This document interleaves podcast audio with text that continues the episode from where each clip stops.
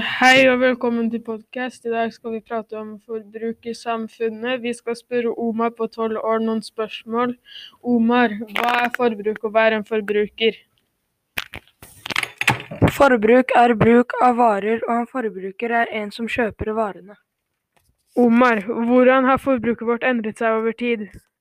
Folk får mer lønn og kjøper flere klær, så, det blir, så blir det mer forbruk. Omar har fått nok spørsmål. Nå, nå skal jeg spørre Noah, også på tolv år, om noen spørsmål.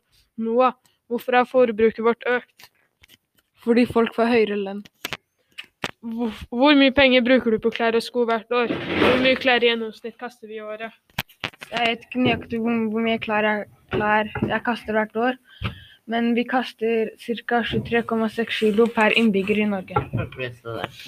Ja, um, som, så han har fått nok spørsmål, han. Nå må vi spørre Anas på Tolv år, mann. på tolv år. Enda flere spørsmål. Um, uh, Anas, hvor kommer mesteparten av varene våre fra, og hva er fordel og ulempe med å importere varer fra, inn fra utlandet? De kommer fra steder og i Asia, og det er en fordel fordi det er billigere varer. Og, og en ulempe er, er, er at man forurenser mer for å frakte det.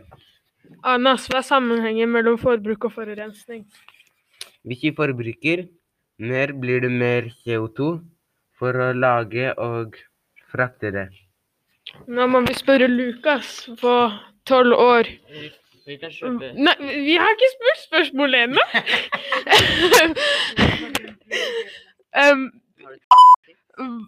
hva menes med at vi forbrukere har makt, og hvordan kan vi bli mer miljøvennlige forbrukere? Vi kan kjøpe mindre klær, eh, kjøpe gamle klær og mm, resirkulere. eh, Og forbruket har makt, betyr at vi velger eh, hva vi skal kjøpe.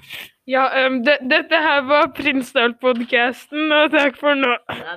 Thank you.